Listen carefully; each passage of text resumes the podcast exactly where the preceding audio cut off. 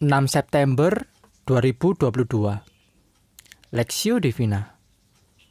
Esra pasal 3 ayat 8 sampai 13 Pada tahun yang kedua sesudah mereka sampai ke rumah Allah di Yerusalem dalam bulan yang kedua maka Zerubabel bin Sialtiel dan Yesua bin Yosadak beserta saudara-saudara mereka yang lain, yakni para imam dan orang-orang Lewi, dan semua orang yang pulang ke Yerusalem dari tempat tawanan memulai pekerjaan itu. Mereka menugaskan orang-orang Lewi yang berumur 20 tahun ke atas mengawasi pekerjaan membangun rumah Tuhan. Lalu Yesua beserta anak-anak dan saudara-saudaranya dan Kadmiel serta anak-anaknya, orang-orang Yehuda bersama-sama bertindak mengawasi orang-orang yang melakukan pekerjaan membangun rumah Allah. Demikian juga Bani Henadad, anak-anak dan saudara-saudara mereka, orang-orang Lewi itu. Pada waktu dasar bait suci Tuhan diletakkan oleh tukang-tukang bangunan, maka tampillah para imam dengan memakai pakaian jabatan dan membawa nafiri. Dan orang-orang Lewi, Bani Asaf, dengan membawa ceracap untuk memuji-muji Tuhan menurut petunjuk Daud, Raja Israel. Secara berbalas-balasan mereka menyanyikan bagi Tuhan nyanyian pujian dan syukur. Sebab ia baik bahwasanya untuk selama-lamanya kasih setianya kepada Israel. Dengan seluruh umat bersorak-sorai dengan nyaring sambil memuji-muji Tuhan oleh karena dasar rumah Tuhan telah diletakkan. Tetapi banyak di antara para imam, orang-orang Lewi dan kepala-kepala kaum keluarga, orang tua-tua yang pernah melihat rumah yang dahulu menangis dengan suara nyaring. Ketika peletakan dasar rumah ini diletakkan di depan mata mereka, sedang banyak orang bersorak-sorai dengan suara nyaring karena kegirangan. Orang tidak dapat lagi membedakan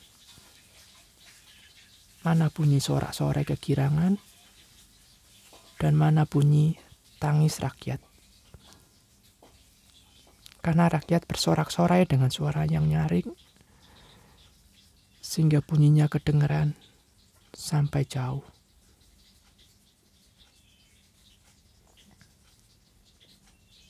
Pujian dalam kesesakan perspektif.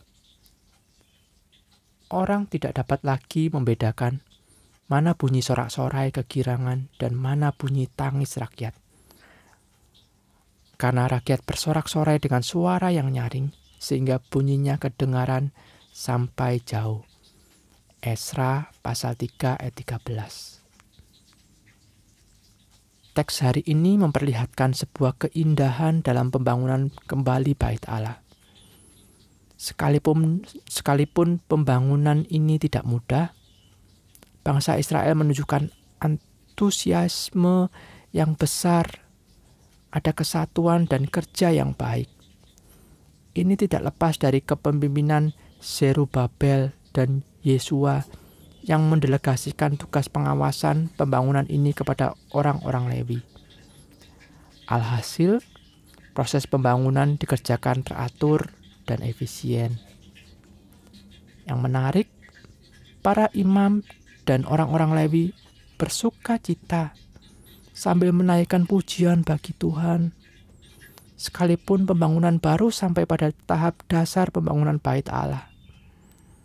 Iman mereka bersuka cita sekalipun janji Allah itu belum direalisasikan sepenuhnya. Mata rohani mereka seolah melihat bagaimana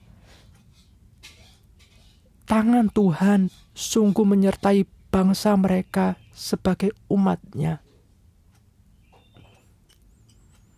Perasaan serupa juga pernah dialami Abraham.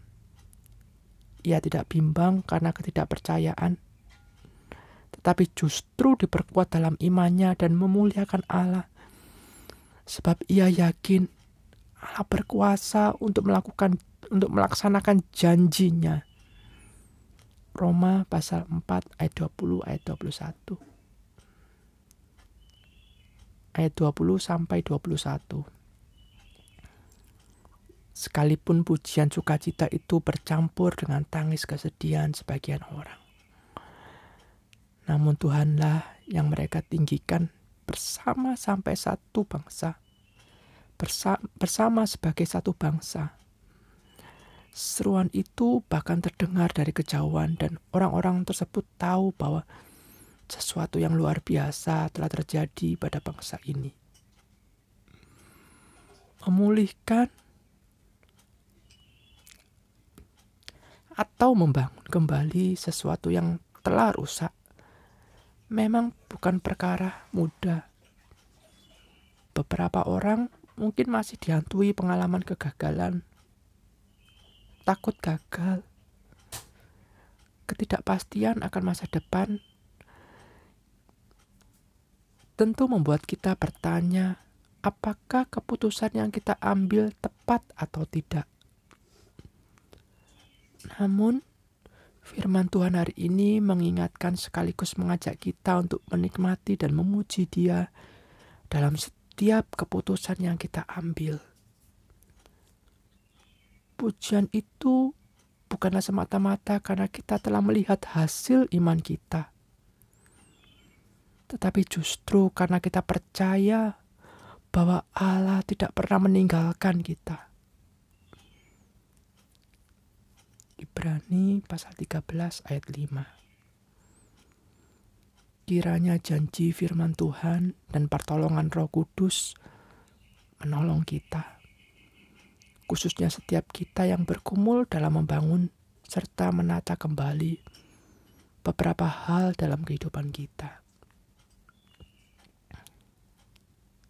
Studi pribadi, renungkanlah Sudahkah janji Tuhan melalui firman-Nya menjadi satu-satunya pengharapan dan sukacita dalam kehidupan kita sebagai umat percaya?